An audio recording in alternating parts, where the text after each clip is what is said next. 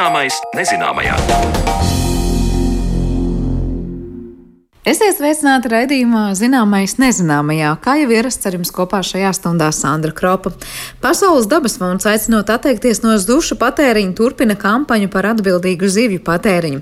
Pērn kampaņas galvenais varonis bija Baltijas mēnce, un abu šo sugu dzīves stāsts ir gan atšķirīgs. Taču tās vieno tas, kā populācija ir ļoti sliktā stāvoklī.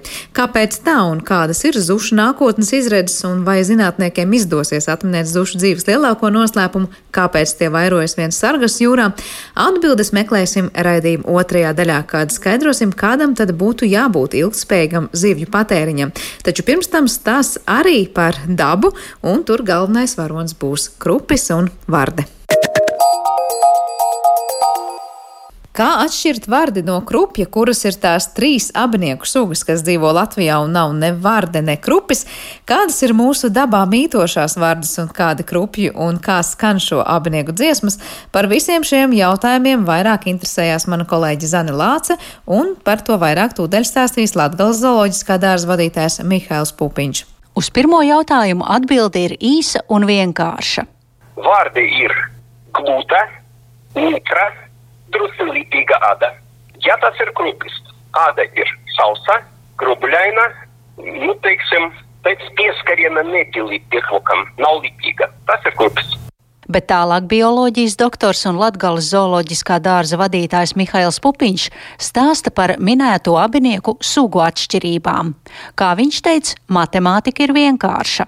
Ir trīs vārdas krupi, kas nav ne vārdas, ne krupi. Uguns krupis, vāršu krupis un koku vārdē.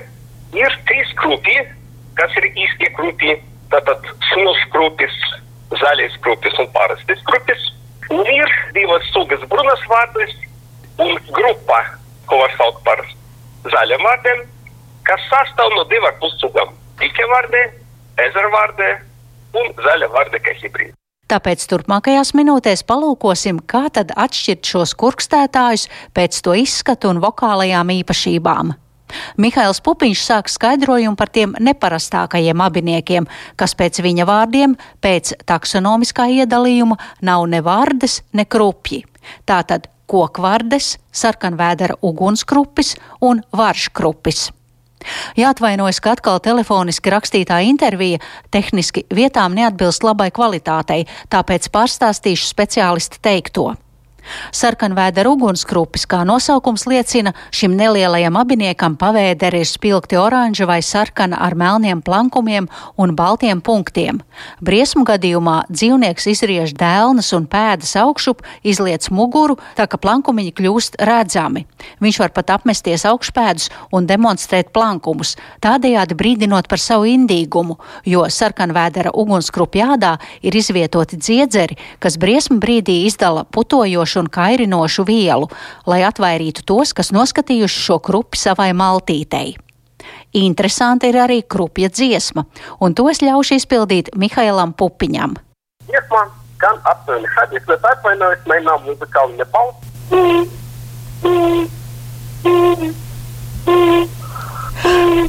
Tā dzied pavasaros ugunsgrupi tēviņi, ja? Jā, kad tur ir daudz, tad produkta dziesma tā pārklājas. Šie abinieki ir iekļauti pasaules apdraudēto sugu sarakstā, un agrāk Latvijā bija zināmas tikai divas atradnes ar šiem dzīvniekiem, kur mita aptuveni 15 šīs sugas pārstāvji. Pateicoties Mihaila Pupiņa un viņa kolēģu rūpēm, ugunsgrupju populācija ir atjaunojusies un nostiprinājusies. Un pašlaik ar ugunsgrupiem bet diezgan labi Latvijā. Vismaz mums jau zināmas ir sešas lielas populācijas, lielas tas ir vairāk par simt īpatņiem. Un ļoti daudz vietējas mazas populācijas, tur pa desmit īpatņi, kas dzīvo kāda konkrēta edīgi. Jau vairāk par 150. Tātad viss kārtībā, Latvija izdevās šo sugu atjaunot, ja nekāds slikts nenotiks, es domāju, viss būs labi ar ugunsgrupi Latvijā. Nu, principā Latvija dzīvo viss tālāk uz ziemeļiem, uz populācija, ja? Mēs esam tie, kas ļauj pasargāt, aizsargāt visu Eiropas ugunsgrupju populāciju. Ja Latvija šis dzīvnieks izzudīs, tas nozīmē, ka visai Eiropai samazināsies areāls. Tātad viss kārtībā mēs turpinām savu darbu ar ugunsgrupiem. Otrs dzīvnieks, kas taksonomiski tā simtprocentīgi nav pieskaitāms vardēm, Mihaila Pupiņa vārdiem runājot, ir kokvarde. Šis dzīvnieciņš savulaik Latvijā bija teju izmiris. Tas bija rets abinieks mūsu dabā jau kopš 18. gadsimta otrās puses, un 19. gadsimtā bebru iznīdēšana un intensīva lauksaimniecības zemju ierīkošana pazudināja arī kokvārdes bet savulaik, pateicoties Jurim Zvirgzdam, kurš bija Eiropas kokvaržu reintrodukcijas projekta vadītājs un 1988. gadā izlaida pirmo nebrīvē izaudzēto Eiropas kokvaržu mazuļu grupu, tagad šo varžu kori var atkal dzirdēt gan plašā lejas kurzemes teritorijā, gan arī ārpus tās. Tā ir neliela auguma, koši zaļu muguru, kas atkarībā no temperatūras un mitruma daudzuma šo zaļo krāsu maina no tumšāks uz gaišāku, un vardei pirkstu galos ir piesūcekņi, ar kuru palīdzību dzīvnieks spēj pārvietoties pa zariem un lapām. Dziesmā, nu, ar dziesmu man tas pagrūti, bet aptuveni, atkal atvainojos.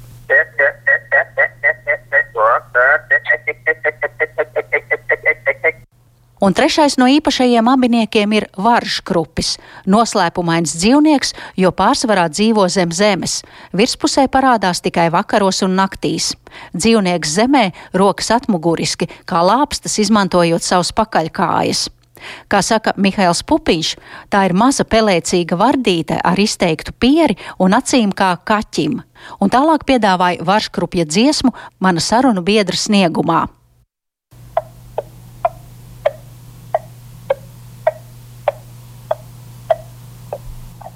Tik tālu par tiem, kas nav ne vārdas, ne krupji, bet turpinājumā īsts pārskats par pārējiem abiniekiem Latvijā.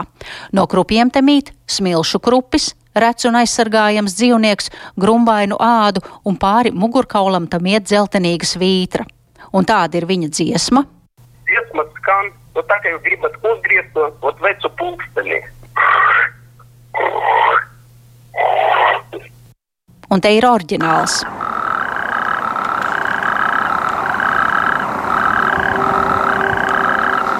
Līdzīgi, vai ne? Ejam tālāk. Otra krupju suga ir zaļais krupis. Ārēji izskatās ļoti līdzīgs ir milzu krupim, bet vairāk ir gaiši pelēcīgs un nav tās zeltainās svitiņas.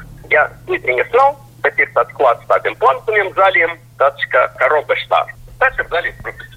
Dziesmā līdzīga arī milzu krupja dziesmai, arī līdzīga, bet daudz garāk skan tā skaņa. Nu, es pamēģināšu tā it kā.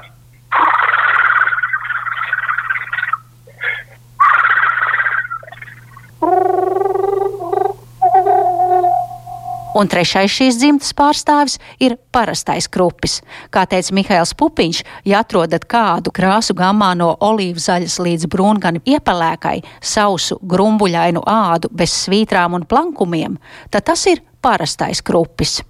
Dziesma nu, diezgan man pagrūti īsti. Man tas skan, nu, pat nezinu kā.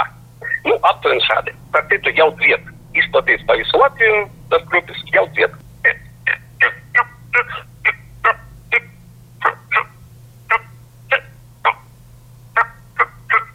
Tālāk pārskatām mūsu dabā mītošās vārdes. Tātad pirmā - parastā vārde mugura brūngana, pelēka vai krēmkrāsā ar tumšiem plankumiem vai punktiņiem, un raksturīgs ir V veida plankums muguras augšdaļā. Līdzīgi kā nu, traktors, traktors darbojas kaut kur tur tālumā, mēģina iedarbināt, bet nav iedarbināt.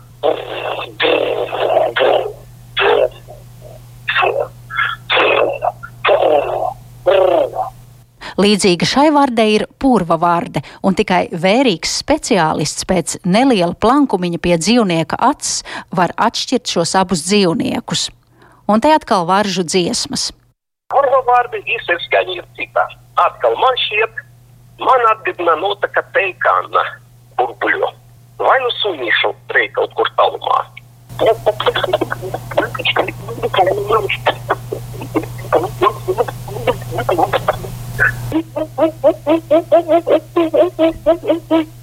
Palika trešā suga, kas nav suga. Bet parasti to sauc par zinātniskais raksts, to sauc vienkārši par zaļā vārdē. Īsti tā nav zaļa vārde, tā nav viena suga. Dabā ir diezgan grūti atšķirt, jo šī grupa tā nav viena suga. sastāv no divām pussugām. Kas tas ir? Nu, pirmkārt, kā var atšķirt vizuāli, nu, tas ir zaļas vārdes, kas dzīvo ūdenī. Un tā ir tā klasiska vārde, kuru visu laiku tur zīmē visādas bērnu grāmatās, visas logotipos un tā tālāk. Zaļa vārde, bet šī ir ļoti jocīga suga. Tā nav suga, tā ir suga grupa, kas sastāv no divām sugām, un viena suga ir hibrīds. Trešā. Visbiežāk izplatīta Latvijā, nu tāda vizuāli izskatās, nu, tā ir diezgan neliela vārdīte, kaut kur 5 līdz 7 centimetri, tāda koši zaļa, parasti spilgta krasa. Dzīvo parasti seklējas nelielas dikīšos, bet var dzīvot visur kur. Lielākoties tā ir tā vārde, kas ot lēc ūdenī tikko jūs piegājat pie dika. Latvija ir vēl viena vārde. Arī piedar pie grupas tās zaļas vārdes, bet tā ir ezervārde. Ezervārde ir vislielākā Latvijas vārde. Kā tā izskatās? Nu, kā visas vārdas, tātad gluda āda, arī zaļa, parasti tumša, tumšāka ir, dažreiz ir tāda pelecīga zaļa, nu, varētu būt jūsu plauksta lielumā. Bet divas sugas, ezera vārdē un dika vārdē, krustojas, savstarpēji krustojas, parojas un piedzimst hibrīds, kas saucas zaļa vārdē. Starp ezera vārdi un vizuāli arī tāda zaļa, bet ļoti daudz jau melo plankumu uz muguras tieši zaļajiem vārdiem dziesmas ir, nu, manuprāt, nu, man viedokļi visdažādākās, dažādam skaņam, tur toni mainās, tur ritmi un tā tālāk. Bet dziesma ir aptuveni šāda. Smējas, kikinā.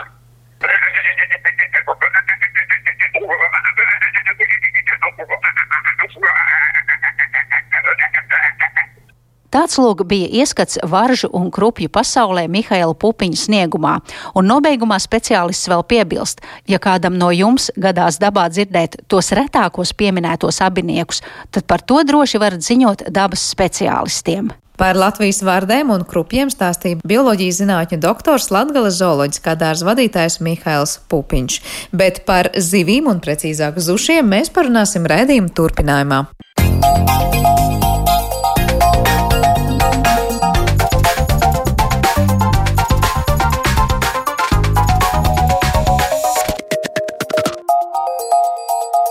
Zināmais nezināmajā. Raidījuma turpinājumā solītā saruna par zušiem un ilgspējīgu zivju patēriņu. Skaidrs, ka pieprasījums pēc zivīm un jūras produktiem pasaulē arvien pieaug, taču dabas resursi, lai nodrošinātu šo pieprasījumu, ir ierobežoti. Šogad Pasaules dabas fonds aicinājis īpašu uzmanību pievērst Eiropas zutim, kura populācija pēc dažādām aplēsēm pēdējo 40 gadu laikā samazinājusies par 90 vai 95 procentiem. Vai un kā zuti var glābt un kas būtu tās izmaiņas ikdienas patēriņā, kur virzienā jādodas, lai par to visu visu runāt uz sarunu esam aicinājuši Pasaules dabas fonda projektu vadītāju Elzu Ozoliņu un vidas risinājumu institūtu vadošo pētnieku Matīšu Žagaru. Sveicināti jums abiem! Eh, vērtējot reakcijas uz Pasaules dabas fonda kampaņas jaunajiem stāstiem par zuti, dažkārt varēja manīt ar, arī tādu kā nu, neizpratni, vai tad zušas Latvijā vispār kāds vēl daudz ēd, un tie ir gan dārgi, un arī ne katrā veikalā tos var atrast. Eh, vai var vispirms Elza izstāstīt, cik daudz un kā mums ir jāpievērš uzmanību zutim, un cik Latvijā mums patērēšana ir aktuāla? Jā, tā tad, eh, nu jā, varbūt es iesākšu arī par iniciatīvu. Tad iniciatīva Jūra Čuma un Muģa mums norisinās jau otro gadu pēc kārtas. Uh, Un tās galvenais mērķis ir veicināt sabiedrības izpratni par atbildīgu un ilgspējīgu dzīvi resursu patēriņu. Pagājušajā gadā mēs pievērsām uzmanību Baltijas mēnesē, ņemot vērā tās kritisko stāvokli, un tad šogad mēs esam izvēlējušies pastāstīt Eiropas zušu stāstu, arī ņemot vērā šī kritisko situāciju ar zušu populāciju. Un attiecībā par patēriņu mēs iniciatīvas ietvaros arī veicām patērētāju aptāju pagājušajā gadā kopā ar Kanteru, kas, kas apskatīja dažādus gan kritērijus, pēc kuriem cilvēki izvēlās zivis un, un, jā, zivis un jūras veltes kā arī, protams, kādas ir tās populārākās izvēles. Un, ja mēs skatāmies uz Eiropas zuša virzienā, tad zutis īsti nav tāda top 10 izvēle. Vien 6% no, patā, no aptaujas dalībniekiem teica, ka viņi lieto ikdienā zuti. Bet, nu, jebkurā gadījumā ņemot vērā to, ka, ka Eiropas zuša to dzīves stāstu un arī tās, arī tās jā, tā, tādu, tādu sava, sava veida to maģiju un ārstošanas stāstā un dzīves ciklu stāstā, tad mēs izvēlējāmies jā, zūti, lai pastāstītu šo stāstu cilvēkiem, lai vairotos varbūt vairāk tā izpratne par to, kāpēc šī populācija ir apdraudēta un kādas ir šie problēma jautājumi. Matīs, droši vien tev ir ko piebilst par to, cik ļoti aktīvi mēs zušas patērējam vai nepatērējam un kāda nozīme ir šādām kampaņām tieši Latvijā. Ziniet, kā es pagājušajā gadā iepazinos uh, citā kontekstā ar terminu influenceris. Man liekas, ka Zutis šajā gadījumā ir tas viedokļu līderis vai tas influenceris, kurš vienkārši iet pa priekšu stāstam, ka vispār mums jādomā par ilgspējīgāku zivju resursu vai dabas resursu patēriņu. Nav tik daudz runa par to.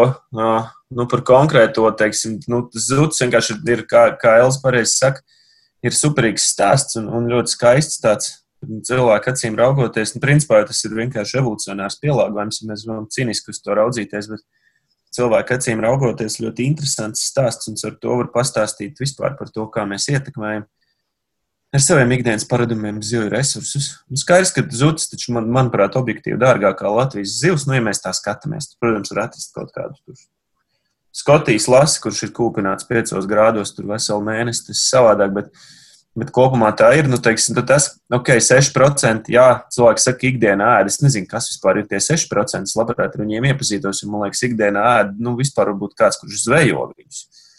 Jo tā zivs jau nav ne tik viegli pieejama, ne tik lēta, lai, nu, teiksim, ikdienā ņūts kādu zuti. Bet viņš tik trekns, es nevaru iedomāties, kā viņu var ēst kā katru dienu. Bet par to tagad ir tas stāsts par, nu, izskatās, ka tā nav ne mēnesi, ne lasis, kuru mēs ēdam krietni vairāk. Eh, cik lielā mērā tieši jūsuprāt, zušu stāstam palīdzēs tas, ka mēs katrs sāksim aizdomāties par savu patēriņu, nedīsim mazāk vai nedīsim nemaz to zuti, vai tomēr te ir jārunā par citiem apdraudējumiem, kas to sugu vairāk skar? Nē, nu skaties, baigi grūti jau tādu, nu tas jau vienmēr ir tāds zinātnisks izaicinājums, nu kā mēs varam tur tagad precīzi aprēķināt. Nu, pirmkārt, jau mēs nevaram modelēt, cik daudz tad, teiksim, nu, mēs nevaram pateikt. Tagad, nu, mēs zinām, protams, kāds ir teiksim, gada patēriņš Latvijā, un skaidrs, ka mēs salīdzinām tur ar nezinu, kaut kādām citām valstīm, mēs salīdzinām ar kaut kādām kopējām summām. Viņš, bet tas jau ir tāpatās kā ar plasmasas maisiņu lietošanu vai ar kurām vidas iniciatīvām. Jautājums ir par pašu, teiksim, izmaiņām cilvēku domāšanā, kam ir plašāks, plašāki pozitīvi efekti. Ja tu man tā prasi, prasa, teiksim, tā provokatīva, vai mēs ar šo izglābsim Eiropas zutu, tad es tik tā pilnīgi tieši un bez izlikšanās varu teikt, ka visticamāk nē, tām ir jābūt daudz plašākām aktivitātēm. Un, un Eiropas komisija un, un Starptautiskā jūras padoma un, un milzīgas starptautiskas organizācijas jau darbojās pie tā, lai samazinātu zvēju un visu pārējo. Tas jau nav tā, ka ka mēs viņu šādā veidā izglābsim. Tas vairāk tāds sauklis un zuds, kā tāds posteru poster puisis, plakāta puisis tam visam tam, tam stāstam vispār par ilgspējīgāku ūdeņu, ūdeņu lietošanu. Elza, vai ir šai sajūta ar šo zuti kā influenceru, kā Matīs teica, varbūt vispār par citām zivīm domājot, kuras varbūt ir aktuālāk teikt, jā, mēs ēdam par daudz un krietni par daudz, tad lūk, ar tādu vienu mēs sākam pieredzināt to cilvēku domāt citādāk. Ne, tieši tā, kā es piekrītu Matīsam, ko viņš sacīja attiecībā par patēriņu, ka, protams, tas viens patērētājs nevar izmainīt visu lielo ķēdi, kas mums ir attiecībā uz jebkuru, es domāju, ne tikai zivīm, bet arī citiem pārtiks produktiem, kuriem ikdienas aktivitātēm, ko mēs darām. Bet šādā veidā mēs vēlamies veicināt sabiedrības izpratni. Protams, arī iniciatīvā mēs strādājam gan ar uzņēmumiem, gan arī, protams, ir jāmaina arī jārunā par šo arī tādā politiskā līmenī. Līdz ar to tur noteikti nepieciešams ne tikai zutim, bet jebkurai uh, zivī vai jūras eltei, ko mēs varbūt lietojam, uzturēt, nepieciešams šis kompleksais risinājums, kur ir dažādas ietekmes puses, un mēs katrs cenšamies izdarīt to savu darbiņu. Un uh, noteikti par, uh, par patēriņu, ka nu, mēs sākam šis noteikti uh, nav tāds, ka vienas dienas laikā mēs, uh, ka viss var mainīties, bet tas noteikti ir process. Un, uh, šī iniciatīvas galvenais mērķis ir uzsākt šo procesu, lai mēs vispār aizdomājamies par to, kas notiek mūsu ūdeņos, kādas, kādas, kādas zivis un jūras valdes mēs liekam uz sava šķīvja.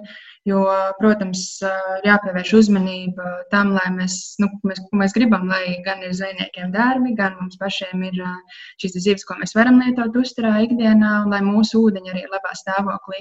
Tā kā šis stāsts ir vairāk jā, par visu to mūsu jūras un saldūdeņu ekosistēmām, lai, lai mēs jā, pievēršam uzmanību gan tādām apdraudētākām sugām un paskatāmies, kā mūsu cilvēku darbības var ietekmēt ūdens, ūdens resursus un dzīvi resursus, kā arī pievērst uzmanību kā arī citām, citām sugām, kas mums ir superīgā stāvoklī. Un, un arī Pasaules dabas fonds mēs esam izdevuši zivju gidu kā, kā pēdējos divus gadus.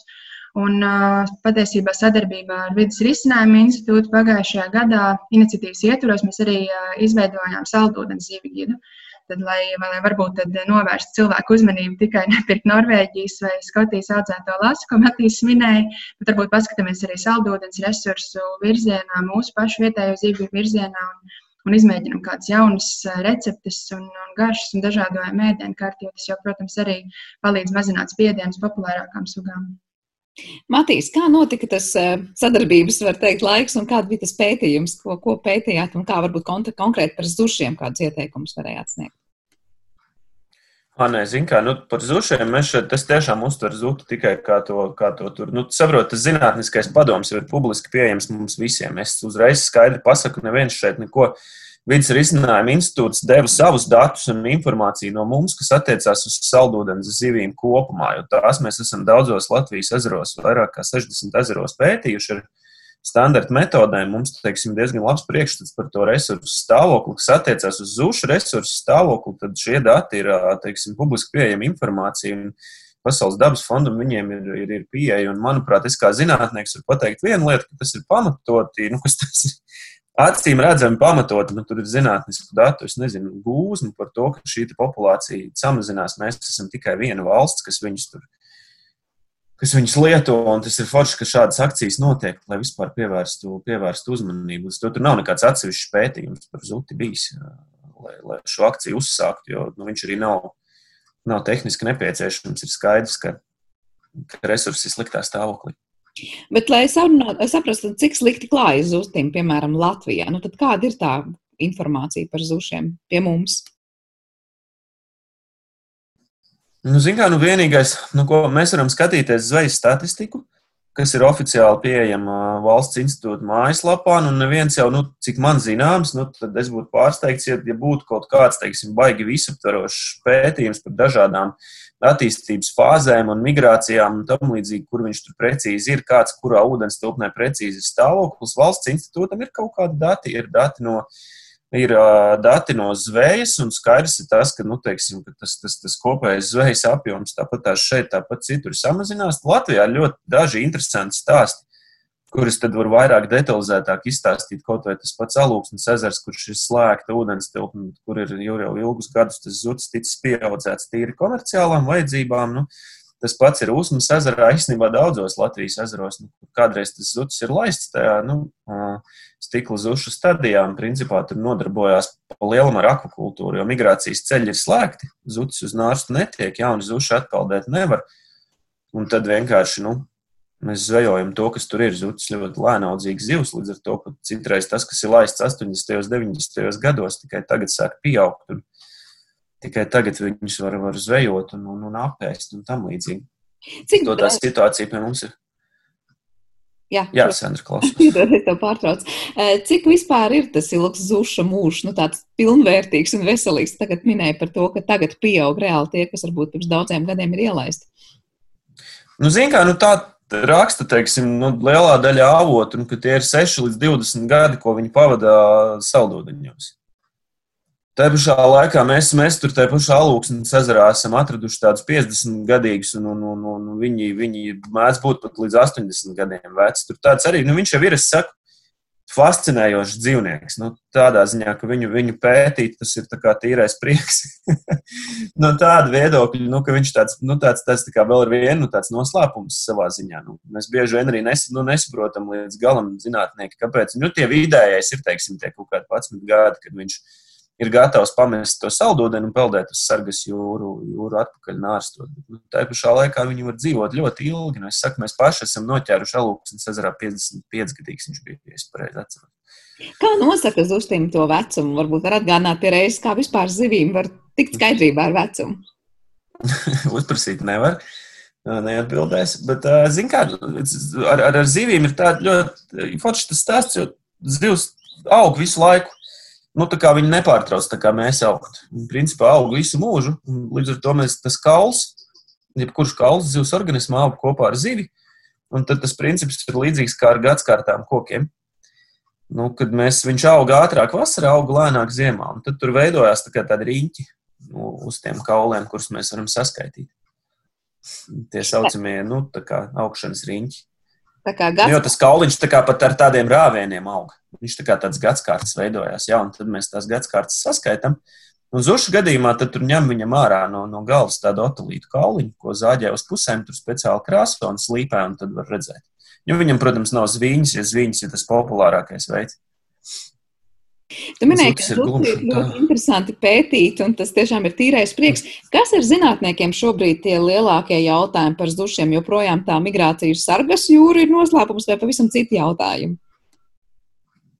Ziniet, kā es jau domāju, ka dotajā momentā nu, tas, tas viens no svarīgākajiem jautājumiem, protams, ir tas akvakultūras jautājums. Es arī te, um, pirms šīs sarunas palasījos, kas tur notiekās un, un, un kas tur šobrīd ir tīri intereses pēc. Uh, es jau neesmu konkrēti zušu pētnieks, tas vairāk tā es skatos uz to kopumā. Tas viņu izaudzēšanas jautājums, es domāju, ir gan ekonomiski, gan nu, ekoloģiski, no jūras glābšanas viedokļa diezgan svarīgs. Nu, mēs neprotam vēl ar vienu panākt to, ka viņi nārsto kaut kur ārpus tās sargas jūras. Es domāju, ka tas ir tāds izaicinājums šobrīd liels. Un tad, jau, protams, ka tu vari pētīt visus fizioloģiskos mehānismus. Nu, kāpēc viņš ne, kāpēc tu nevari viņu iebāzt kaut kādā slēgtā telpā, un lai viņš nobriest, un lai viņš tur no nārsto, vai mēs jau viņus varam noslaukt, teiksim, nu, un paņemt, paņemt, paņemt tikrus un pieņus un, un uzražot viņus, tā kā dara ar citām zivīm. Redz, nesenāk. Ja viņš kaut kā, nu, viņš kaut kā sabremzē to savu, savu attīstību, un ka viņš tā kā riktīgi tiešām nobriest tikai tad, kad viņš nokļūst tur. Un, un tas ir viens no, nu, viens, no, viens, no, viens no lietām, ar ko strādāt. Ir vairāk lieli projekti bijuši, un zinātnieki uz to koncentrējās. Lai, nu, tas jau būtu viens glābiņš, nu, tas būtu super glābiņš, ja mēs varētu iemācīties viņu akvakultūru audzēt. Pilna cikla audzēšana, tā saucamā, ka tu vari paņemt māmu un papu un izaudzēt pēc tam zutēnus. Tas, ko mēs šobrīd darām, mēs ņemam no dabas un tad pieaudzējam vienkārši. Jā, te būtu jautājums arī par to, kas notiek ar tiem zušiem, kas tiek ielaisti Latvijas ūdens tilpēs. Bet pirms ķeramies klāt šim jautājumam, tu pieminēji to sargas jūru un ka pētījumi, protams, noteikti būtu interesanti saprast. Ir kādas tomēr versijas, nu, ticamākās, kas ir izteikts, kas ir tajā sargas jūrā tāds, kāpēc zuši tik ļoti uz turieni un tikai uz turieni dodas? Ziniet, es vairāk gribētu tā vispārīgi uz to atbildēt, jo, ja mēs domājam par to, par to zemes ekosistēmu kā par tādu nu, ļoti komplicētu būdu ar ļoti daudziem mazākiem un lielākiem dzīvoklīšiem, tad viņi tā pavisam forši var strādāt tikai tad, ja, ja visi tie dzīvoklīši ir apdzīvoti. Un tas evolucionāri, tas, tas stāsts, kā es to redzu un saprotu un iedomājos, vienmēr, man kādam jāmēģina paskaidrot, nu, ka tur kaut kādā mirklī kaut kāds viens stūra dzīvoklis ir bijis aizņemts, neaizņemts. Nu, viņi var nokļūt tikai šādā veidā. Nu, tas, ir, tas ir evolūcijas veids, kā teiksim, šis dzīvnieks ir pielāgojies kaut kādam konkrētam un unikālam, unikālam dzīves ciklam, lai viņš varētu izdzīvot tajā kopējā stāstā. Nu, To tā atbildēt, ka, kāpēc tieši tur, nu, tā ir kombinācija no, no, no, no visa kopā, no, no tā spiediena, no tā, ka no salīdzinoši varbūt zemāk tur plēsē blīvuma un tam līdzīgi. Dabā jau parasti tas nav tāds viens, teiksim, izteikts iemesls. Iemesls, kāpēc kā viņš atrod to, tur arī viņi jūt tos magnētiskos polstus, līdzīgi kā visām migrējošām zivīm. Tas ir Elza liels izaicinājums vispār strādāt arī vidas organizācijās, nu, ko darīt un kā palīdzēt, tā var teikt, zušiem būt, proti, nu, tas lielais uzdevums atminēt to sargas jūras mīklu vai negluži. Nē, tas noteikti, protams, strādājot, strādājot ar, ar, šā, ar šo tēmu un arī tīpaši zīvīm, tāpat arī Baltijas mēneša gadījumā, tas, tas protams, ir, ir tāds izaicinājums. Un tajā pašā laikā, protams, tāpēc arī mums liekas, ir svarīgi stāstīt šo stāstu, lai sabiedrībā mēs iepazīstam vairāk un izprotam vairāk to zemūdens dzīvi, jo bieži vien jau mēs paskatāmies apkārt, mēs uzreiz varam redzēt kaut kādas noteiktas problēmas, bet uh, ūdenī tas ir mazliet grūtāk. Līdz ar to tāpēc šī iniciatīva ir par to, lai mēs varam iepazīstināt sabiedrību dažādos, dažādos tādus ietekmes pušu līmeņos ar, ar šīm problēmām un skatīties, ko tad mēs varam, ko tad mēs varam darīt, lai palīdzētu šajā situācijā. Tas, ko nereti cilvēki varētu redzēt Latvijā, proti, ir tas, ka mēs arī dažkārt rādām un stāstām, ka tiek ielaisti šie zušu mazuļi. Tur Baltazars mazais, vēl dažas citas ūdens tilpas. Kas, ka, kāda tam īsti ir vai nav nozīme? Proti, no kurienes ir šie mazuļi? Tie ir audzētavi vai tie ir savvaļā noķerti mazuļi, kas tālāk tiek ielaist ūdens tilpēs ar domu, ka tie uzsāks savu ceļu kaut kad atpakaļ uz savu sargas jūru, vai tā ir tā, tā kā lamats un tie tikai izaugs un mēs tos nosvajosim? Varbūt jums abiem jāšķirt. Nē, zin kā, nu, tur, tur tas, tas, tas šobrīd ir tā, ka tas zušu plāns, saucamais, paredz. Tur jau visprecīzākais būtu oficiāls komentārs jāprasa zemkopības ministriem un valsts ministriem un valsts institūtam. Ja? Bet, principā, tas stāsts ir tāds, ka šis zušu plāns paredz, ka tos zušu mazuļus, kuri ir, jā, mēs nemākam viņus izaudzēt akvakultūrā, līdz ar to, jā, viņi ir nozvejoti Atlantijā. Tās ir, tie ir zuši no dabiskas, teiksim, nu, no tās pašas sargas jūras, zušu mazuļi. Viņi tiek ielaisti tikai ūdenstūpnēs, kas ir savienotas ar jūru. Jā, dotajā momentā principā tiek likts punkts Eiropas līmenī tam, ka mēs ņemam zušus no dabas, tāpēc, lai viņus audzētu komerciālos nolūkos praktiski tam tiek likts punkts, cik es esmu dzirdējis no, no, no apsaimniekotājiem, kas apsaimnieko ezerus, ka nu, vēl kaut kur it kā kaut ko nopirkt varot, bet nu, būtu interesanti, ja, ka, kurā mirklī tieši precīzi tas stājās spēkā. Es arī to šobrīd nevaru komentēt, bet principā tas viss iet uz to, tie regulējumi iet uz to, nu, ka mēs nelaižam zušas ūdens tilpnēs, kuras nav savienotas ar jūru. Bet ielaižot viņus savukārt ūdenstūpnēs, kuras ir savienotas ar jūru, tas ir pilnīgi loģiski, jo tad, tā, tad, tās, tad tās zivtiņas, teiksim, tur, tur var pieaugt, viņas rada kaut kādu resursu, kaut ko, nezinu, makšķerniekam, viņas var pēc tam, nu, teiksim, mēs varam palielināt to kopējo migrējošo zušu skaitu. Bet kas sanāk, nu, ja tās ir noķertas savu vaļā, pirms tās varētu, nu, teikt, nonāktu līdz mūsu ūdenstilpēm, kas ir, ja mēs runājam par tām, kas ir savienotas ar jūru, Pēc tam tās uzsāk savu ceļu uz to sargas jūru. Protams, tām nu, iespējas ir dotas. Mēs pasargājam no tā, ka pa vidu ir kaut kādi hesi un, protams, šķēršļi ceļam. Protams, jā, nu mēs, mēs pasargājam kaut vai no jebkādas dabiskās mirstības viņus tādā veidā. Ieliekam viņus, jā, ne, teiksim, viņiem nav vairāk jāpūlās. un, nu jā, nu mēs tā kā, un plus mēs papildinam, protams, tās, tās ūdens tilpnes zivju resursus tādā veidā. Viņi ir, nu, teiksim, vērtīgs plēsējs un tā. Bet atkal, jau, vai tas izglābs Eiropas zūti, nu, tas, tas ir labs jautājums. Nu, visticamāk, jau nu, tas, jau, ko šobrīd ko zinātniskā doma skaidri pasakās, kopējais spiediens ir pa lielu uz šo dzīvnieku. Līdz ar to tas kopējais spiediens uz viņu ir jāsamazina. Tad visas tās pārējās aktivitātes, ko mēs tam minam, neēst, ielaist vēl kaut ko, nu, tas tikai ar to, diemžēl, nu, to nav iespējams izglābt. Visticamāk, tikai lūk, samazinot no akvakultūra, protams, tas jau nu, tas ir viens, viens virziens, kā mēs varam principā tīri teorētiski pilnībā. Nu, iedomājieties, ja mēs tagad to Norvēģijā audzētu to lašu vietā, mēģinātu sazvejot viņus dabā tik daudz, cik mums viņus patīk ēst. Nu, tas jau nav iespējams. Mēs iznīcinātu tās populācijas, es nezinu, cik īsā laikā. Līdz ar to mēs jau redzam daudz, kur no to pašu tunci, taču ir, taču, taču ir līdzīgi jautājumi. Tas arī ir zivs, ko mēs esam praktiski izēduši, to pašu zilspuru tunci. Un arī Japāņi, Japāņi tā teikt, uz dibena krizdam skrien, mēģinot izaudzināt, izaudzēt tunci akvakultūrā. Cik ļoti aktuāls vispār ir jautājums par nelegālo zušu zveju Eiropā? Vai, vai tā ir? Šaubos, vai Eiropā tas vispār ir neaktuāls jautājums. Tas vairāk ir par, par arī, arī legāls spiediens, jau ir spiediens. Bet Latvijā, protams, ka nu, Latvijā jau mums ir tādas dziļas malzvejas tradīcijas, bet nu, nevienam nav tādas statistikas. Nu, tas es, es varu tikai, varu tikai stāstīt, ko es dzirdu nu, tur upju un, un ezeru malās. Nu, skaidrs, ka, kad, kad foršie var kaut kādu zuti nelegāli noķert. Nu. Jo viņš jau ir iedomājies arī kaut kādā melnajā tirgu, viņam ir pietiekami augsta, augsta vērtība. Tam pašam lasim jau tas cikls ir tāds saprotamāks, un tad tās, tās lašu malzvejas tradīcijas, teiksim, mums ir dziļas ar visām duršanām un elektrozvejām un vispārējo. Nu, par tām ir skaidrs, un par tām VVD inspektori varētu daudz stāstīt. Bet es zinu, ka tajos ezeros, kur ir zuši, arī daudz dzird to, ka nu, ka tiek mēģināts viņus iegūt visādos veidos. Un arī makšķerniekiem jau arī legāli viņus patīk te pašā uzmas ezerā ķert, tur jau nekā nelegāli nav.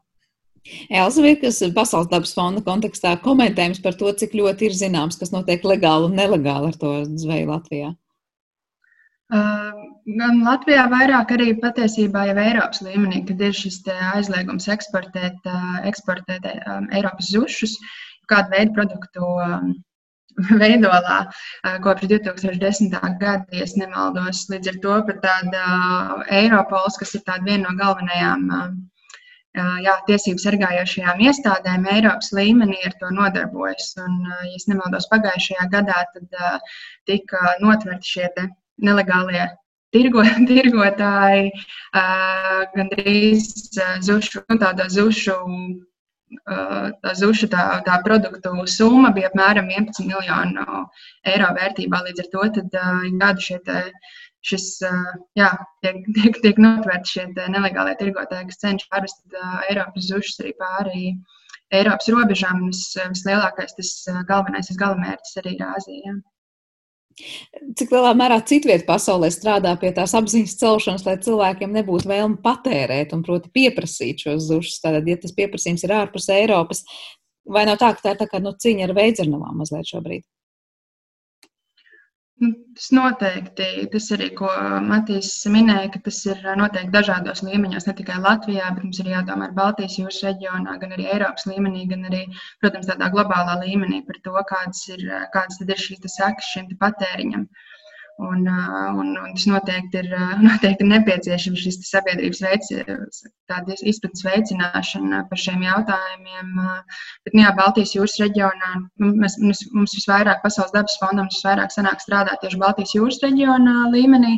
Līdz ar to tad, šis ir tas, šis ir tas, tas līmenis, ar ko mēs sākam, gan tādā, tā, tādā valstiskā, valstiskā līmenī, lai paceltu šos jautājumus, gan arī tādā jūras reģionā jūras reģiona ietveros, lai, lai stāstītu un runātu par šiem jautājumiem, jo arī Baltijas jūras reģionā līdzīga situācija, protams, ir ar Eiropas zušiem, arī attiecībā gan uz zvejām. Un, kā jau Matīs minēja, ka arī tā, tas, tā nozveja varbūt Latvijas līmenī mums ir mazāk salīdzinot ar citām valstīm, bet jebkurā gadījumā, ka mēs esam daļa no tā mehānisma un, un, un vērts par to padomāt un, un, un izprast, kādas ir mūsu tās ietekmes un ko mēs varam, ko mēs varam mainīt un kā mēs varam attiekties pret saviem ūdens resursiem. Jo nu, savvaļas zīvi resursi paliek nopacināti ar katru gadu vien vairāk. Un, nu, mēs esam sasnieguši, kad gandrīz viena trešdaļa no savvaļas zīvi resursiem globālā līmenī ir pārzvejot, kas nozīmē, ka mēs zvejojam vairāk nekā tie spēja atjaunoties.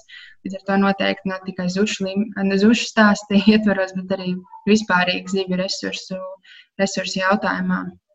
Mums jādomā noteikti par šo mūsu ietekmi. Jā, varbūt Matīsam ir ko piebilst par to, ka nu, no vienas puses ir jādomā, bet dažkārt ne tikai par zuti runājot, tas patērētājs vai tas pieprasītājs atrodas, piemēram, ārpus vispār Eiropas un jautājums, cik ļoti saskaņots ir kaut kāds regulējums vai vismaz nu, darbs ar to sabiedrības apziņu citās valstīs. Zini, kā es domāju, Sandra, vispār klausoties, nu tā, nu, kā, ko tu saki par tām, par veidzirnavām un ko arī Elza atbild. Un tā, nu, saprot, ja mēs tā, tā, tā dziļāk par to padomājam, protams, ka visvieglāk ir atbildēt apstiprinoši uz to, ka tā ir cīņa ar veidzirnavām. Un skaidrs, ka tas nevienmēr ir saskaņots. Un, ja tu, ja tu tur mēģini veikt kaut kādu žurnālistisko izmeklēšanu, zināmā mērā, es tieši tagad lasu vienu grāmatu, kur tā, tā Džēna Gudela, tāda slavena čimpanžu pētniece, ko jūs noteikti zinat. Uh, viņa, kā, nu, viņai tas ir tā tāds viņas iekšējs monologs, kur viņa vienā nodaļā var teikt, ārprāts cilvēcei vairs nav nekādas cerības. Mēs viens otru bez iemesla slepkavojam, izlietojam savus, teiksim, dabas resursus absolūti bezjēdzīgā veidā, un tajā pašā laikā mēs varam tajā pašā dienā ieraudzīt kaut kādus cilvēku labas gribas aktus, kur ir absolūti altruistiski, vispār nav balstīti nekādās racionālās rīcībās veselu valstu aktus un kaut kādus veiksmus stāstus. Līdz ar to es pagaidām atsakos, atsakos personīgi, un kā zinātnieks, teikt, ka, nu, ka tās veidzenos nav iespējams, nav iespējams, nav iespējams uzvarēt. Skaidrs, ka bieži vien ir nesaskaņot. Skaidrs, ka nu, īpaši ar šādām globālām sugām tā saskaņošana ir ārkārtīgi grūta. Ja Eiropā tas kopumā un Baltijas jūra ir daudz nu, vieglāk, mēs neiedomājamies, mēs ar Baltijas jūru esam viena neliela čupiņa ap vienu mazu jūriņu. Mēs esam ļoti bagātu valstu, nu, principā attīstītu Eiropas valstu kopums, nu, kas, teiksim, tur, tur strādā pie tā, gulda miljardiem eiro tajā, lai būtu saskaņots šīs aktivitātes.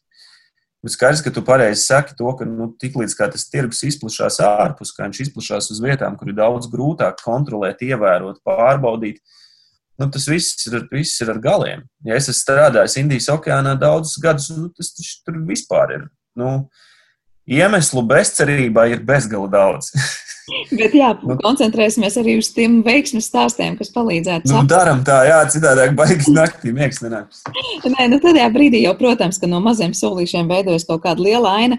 Elza, līdz ar to noslēdzošais jautājums no manas puses pagājušā gadā līdzīgā kampaņā, vai precīzāk identiskā kampaņā uzrunājāt par mēncu, vai ir kāds pozitīvs stāsts tajā, ka cilvēki ir pamainījuši kaut ko savā uztverē, vai pamanījuši vairāk to, ka mēs runājam arī par to, ka ar mencām nebūtu ļoti, mencām neklājas pārāk viegli Baltijas jūrā. Kādi ir secinājumi un ko mēs gaidām no šīs zušu akcijas? Jā, noteikti. Viena no lietām no mūsu puses tāda pozitīvā ir, ka tas pirmais ir tas, ka tas raisīja diskusiju vispār sabiedrībā par to, kas notiek mūsu Baltijas jūrā un um, attiecībā arī uz zivju resursiem. Līdz ar to tas viens tāds, tāda, varbūt tā diskusija daļa, ka tas varbūt tas pirmais solis, ka mēs sākam par to domāt. Un uh, otra lieta, kas varbūt ir tāds taustāmāks rezultāts, ir noteikti tas, ka mēs redzējām, mēs vēl joprojām redzam ļoti lielu uzņēmumu atbalstu, jo iniciatīvas ietvaros, kā es minēju, mēs strādājam arī ar uzņēmumiem. Un uh, nu pat, nu pat mums pievienojās arī veikalu ķēde Rimī Latvija, kas ir uh, pateikuši, ka un apņēmušies uh, izņemt ārā no sava produktu klāsta Pasaules dabas fonda sarkanā zivju uh, sarakstu produktus. Uh, Un, līdz ar to tādā veidā mēs arī veicinām šo, te, veicinam šo izpratni par to, tad mē, kas tad mums nonāk uz mūsu šī dienas beigās. Un noteikti arī tie ir vairāk restorāni, kā arī viena pavāra biedrība, kas, kas šefpavāri, kas strādā dažādos restorānos, ir apņēmušies to, ka savos restorānos, savos uzņēmumos, tad viņi veicinās šādā veidā to atbildīgo patēriņu gan arī caur, caur stāstot arī saviem, saviem klientiem par to, kāpēc, piemēram, tāds zutis vai baltijas mēnesis nav, uz, nav, nav ēdienkartē iekļauta, kā arī, jā, kad sekot šīm mūsu rekomendācijām. Līdz ar to tas noteikti ir tā, tās ir tās pozitīvās atziņas, ka mēs redzam, ka to ka patiesībā ka uz, no uzņēmuma puses ir ļoti liels atbalsts šai iniciatīvai un ka arī interese, interese jā, runāt par šiem jautājumiem un turpināt šo diskusiju. Jā, pirms dažiem gadiem tas vēl likās neiespējamā misija, kad kāds liels tirgotājs vai restorāns pateiktu nē konkrētajām sugām. Bet te laikam jāprecizē, kā te ir stāsts, ka viena tā pati suga var būt gan sarkanajā tajā jūsu sarakstā, gan dzeltenajā, gan zaļajā, proti var gan ēst, gan arī pavisam noteikti nevajag ēst. Atkarīgs ir tikai, kurā reģionā iegūt un ar kādām metodēm. Jā? Tā kā nav tā, ka metam plinti krūmos un vairs nekad neēdīsim lasu vai foreli. Noteikti, noteikti skatāmies zīmju gidā, jā, kas, tad, kas tad ir tā labākā izvēle. Jo, kā jūs pareizi minējāt, ka mēs katrai, gan arī katrai sugai ir dotas šīs dažādas iespējas nozvejas veidā, vai reģionā, vai audzēšanas veidā. Arī ka, ka mēs varam noteikti lietot uzturā zīves, vienkārši sekojam, varbūt tad eh, izmantojam šo rīku. Jo šogad arī mums ir liels prieks par to, ka mēs esam uh, izveidojuši jā, zīvi gida rīku, kas ir daudz uh, vieglāk lietojams pašam patērētājam arī noteikti arī uzņēmumiem. Tā kā ja, ja interesē un, un vēlas kā ciemos stāciju iepērkoties, iepērkoties ikdienā, tad zivigits.lv ir noteikti vietne, ko var izmantot un, un atlasīt dažādi pēc katra saraksta, pēc zivju sugām.